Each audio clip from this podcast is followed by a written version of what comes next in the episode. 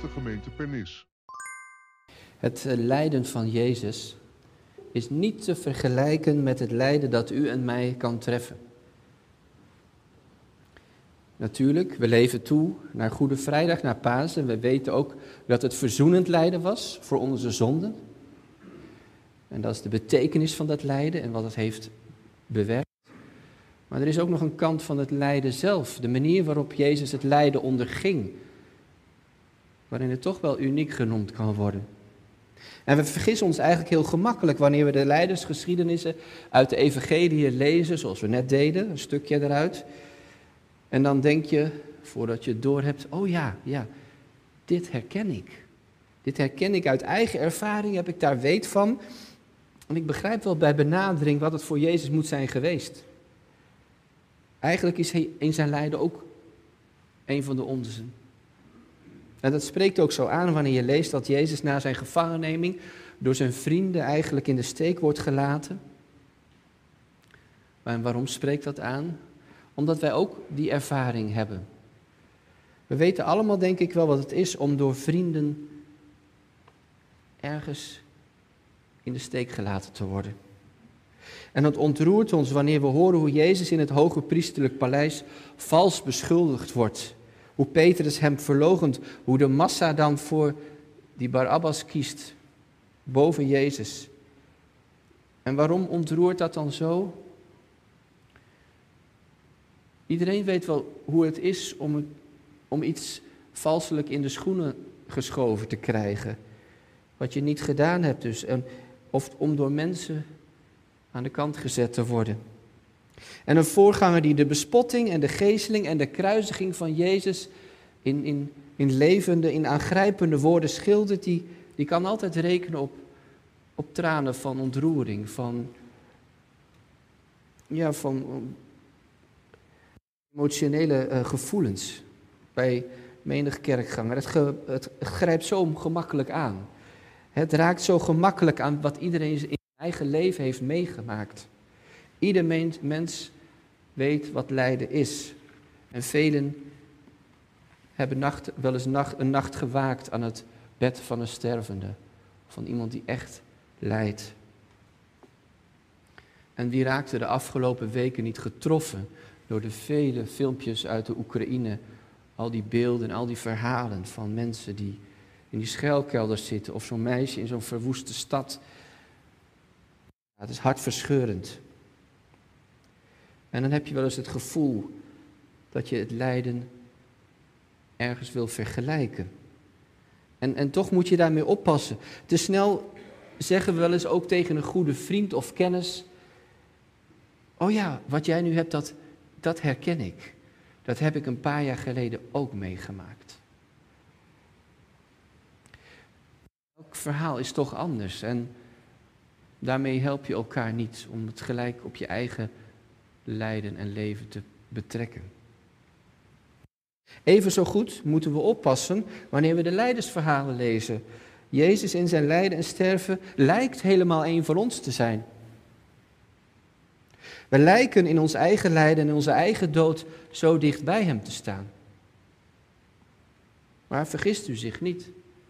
We zijn niet vlak bij Jezus wanneer hij lijdt en sterft. Toen Jezus de leidersweg betrad, vluchtten de discipelen van hem weg. En dat is eigenlijk wel typerend. Als Jezus lijdt, dan wordt hij helemaal alleen gelaten. Volstrekt alleen staat hij daar voor, Jezus, voor Caiaphas en Pilatus. Natuurlijk, er zijn mensen om hem heen, maar niet, het zijn niet de mensen die hem nastaan. Volstrekt alleen hangt hij daar aan het kruis. Opnieuw, er zijn daar mensen, er zijn soldaten, er zijn spotters. Er zijn mensen die dobbelen om zijn kleding. Maar die massa's die hem volgden aan het meer van Tiberias, waar zijn ze? En zijn eigen leerlingen. Niemand van zijn vrienden is bij hem om met hem mee te voelen, om hem te troosten. Ze wilden niet. Ze durfden het misschien niet, zegt u. Ik zou zeggen, ze konden het ook niet. Niemand kon Jezus in zijn lijden gezelschap houden. En dat moet ons een beetje behoeden voor sentimentele gevoelens.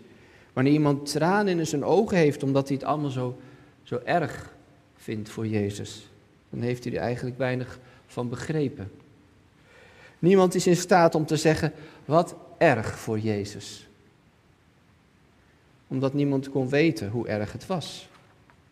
We staan er wat dat betreft buiten. Jezus is door zijn discipelen en door ons alleen gelaten. We kunnen hem niet volgen. Petrus heeft het nog echt geprobeerd. Jezus op zijn leidersweg te volgen en hem gezelschap te houden. Hij ging toch maar met hem mee naar die binnenplaats. Maar hij redde het ook niet. Hij volgde op een afstand, lezen we. Ook hij moest afhaken. Het lijden van Jezus is ten diepste een ander lijden dan het lijden wat ons kan treffen. Dat ontdek je wanneer je die hele geschiedenis ook leest, en dat deden we net. Die verlogening, als je dat op je laat inwerken, dan moet je toch wel erkennen, het was eigenlijk enig in zijn soort. In zijn lijden doet Jezus iets wat geen mens doen kan. Hij staat voor Caiaphas terecht, hij wordt beschuldigd, soldaten slaan hem in zijn gezicht, zoals Matthäus dan vertelt.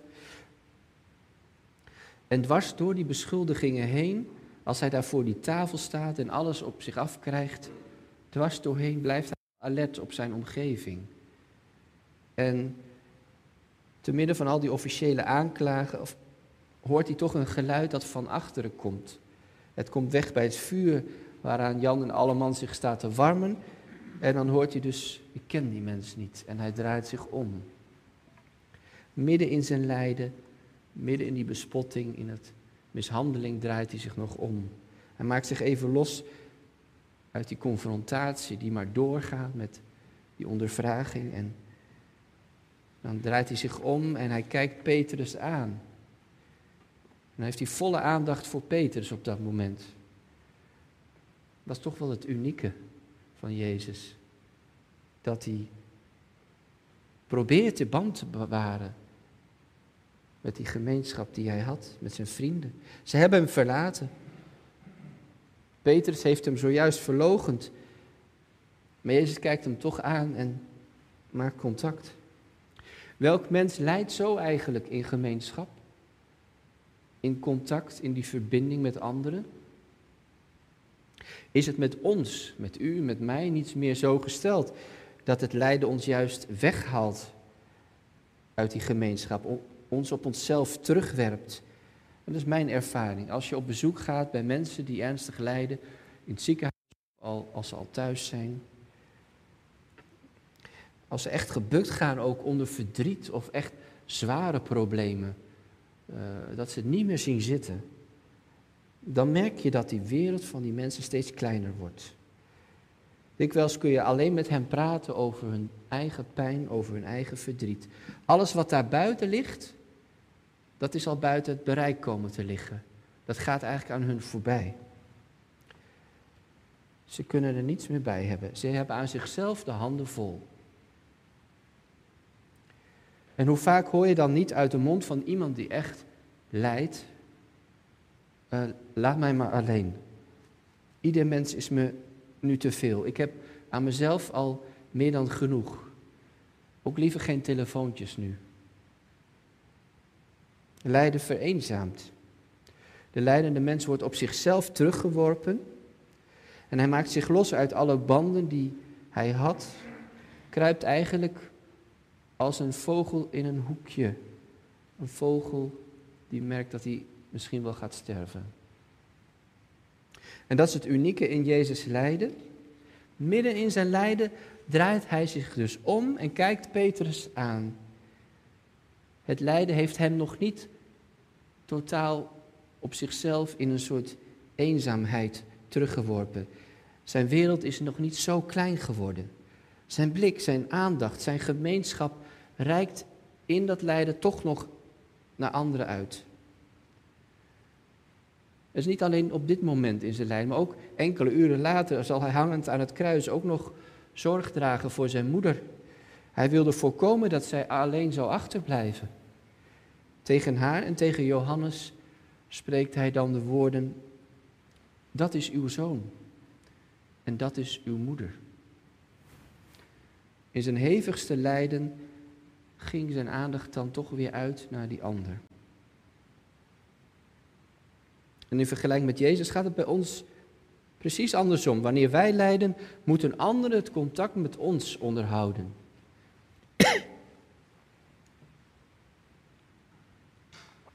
Onze vrienden komen op bezoek. Of ze schrijven een meelevend kaartje of een, of een appje. En wanneer het christenen zijn, dan dragen ze ons op in het gebed. Maar het zijn dus de anderen die met ons het contact onderhouden. Omdat ze wel aanvoelen dat wij dat dan niet meer kunnen. Zij bewaren de gemeenschap die er altijd was. Het contact, de vriendschap. Die wordt dan door anderen in stand gehouden. Bij Jezus is het omgekeerd. In zijn lijden bewaart Jezus zelf de gemeenschap met de anderen. Waar iedereen hem had verlaten, doet hij nog steeds zijn best om de boel bij elkaar te houden, zou je kunnen zeggen. Petrus heeft hem verlogend, maar Jezus draait zich om en kijkt hem aan.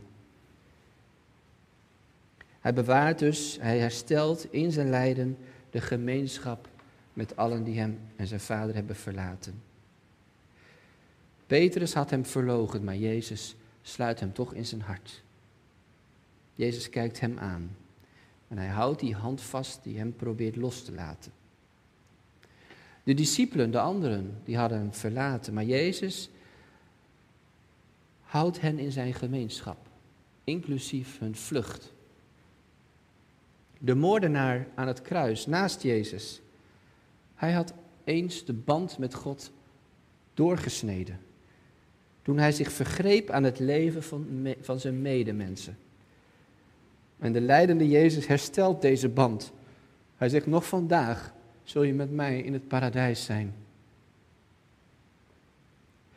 Aan het kruis houdt Jezus zelfs zijn eigen moordenaars in de gemeenschap met zichzelf en met zijn vader. Hij drukt hen aan zijn hart. Zelfs zijn moordenaars zegt, hij zegt tegen hen, Vader, vergeef het hun. Dat is voor ons onvoorstelbaar. In het lijden dat mensen hem aandoen, houdt Jezus hen vast. Met geweld hadden zij zich proberen los te rukken van Jezus. Los te scheuren uit die gemeenschap met God. Maar in liefde houdt Jezus hen in zijn hart gesloten. Met al hun boosheid. Met al hun spot. Met de slagen waarmee ze hem aan het kruis nagelden. Hiermee verzoent Jezus die boosheid en die spot en die hamerslagen. In zijn lijden houdt Jezus de band met de mensen die zelf die band willen verbreken, houdt hij vast.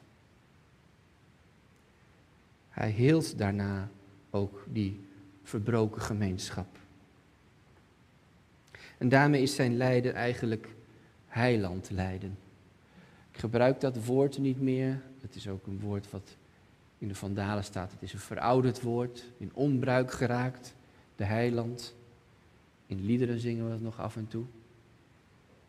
Maar het is eigenlijk wel jammer, want in die naam, heiland, daar zit dat woordje heil en dat betekent heel. Wanneer Jezus leidt, dan leidt hij dus niet zoals u en ik dan leiden. Hij leidt als de heiland, de heelmaker. In zijn lijden maakt hij de verbroken band met God weer heel.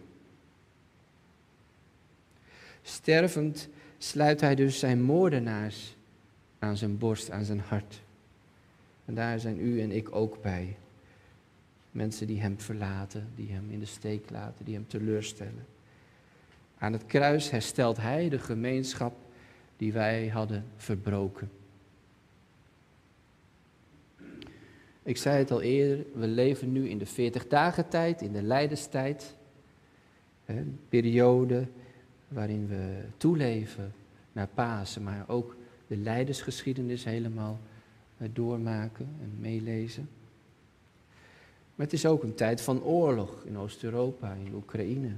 Een zware deken van geweld, lijden en massale vluchtelingenstromen hangen nu over het Europese vasteland.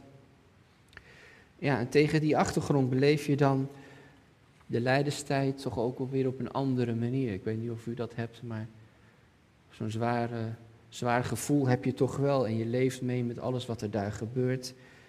En dat, dat tintelt ook door wat we hier op zondag, zeker met het avondmaal, beleven. In Arnhem zijn we in het kerkgebouw voorbereiding aan treffen om eventueel ook vluchtelingen op te vangen. Op de Rijnkade zijn, uh, liggen al die uh, cruiseschepen, nou, die raken ook overvol. En we weten nog niet of het nodig zal zijn, maar we willen wel voorbereid zijn op het moment dat eventueel hè, de gemeente Arnhem een beroep zal doen op, op kerken of verenigingen. Ja, laten wij de vluchtelingen, alle leidende mensen, um, laten we die in ons hart sluiten, hen verwelkomen wanneer zij op de vlucht bij ons aankloppen, hen beschermen waar wij kunnen. Zorg voor vluchtelingen. Is maar één opdracht van de Heer Jezus waaraan wij gehoor moeten geven. Een andere is de liefde voor onze vijanden. Heb uw vijanden lief. Nou, dat is emotioneel heel andere koek. Ik denk dat de meesten van ons dat een stuk moeilijker vinden om op te brengen. De liefde voor de vijand, de liefde voor Poetin en zijn trawanten, dat hele dictatoriale regime, dat is moeilijk. Ik zou zeggen, laat dat voorlopig maar aan de Heer zelf over. Het is denk ik niet iets wat wij zo gemakkelijk kunnen opbrengen op dit moment. En ook daarin was hij misschien wel plaatsvervangend. Stervend aan het kruis kon hij zelfs zijn moordenaars vergeven. Laten we maar bidden dan dat hij ons daar ooit kracht voor zal geven als dat van ons gevraagd wordt. Amen.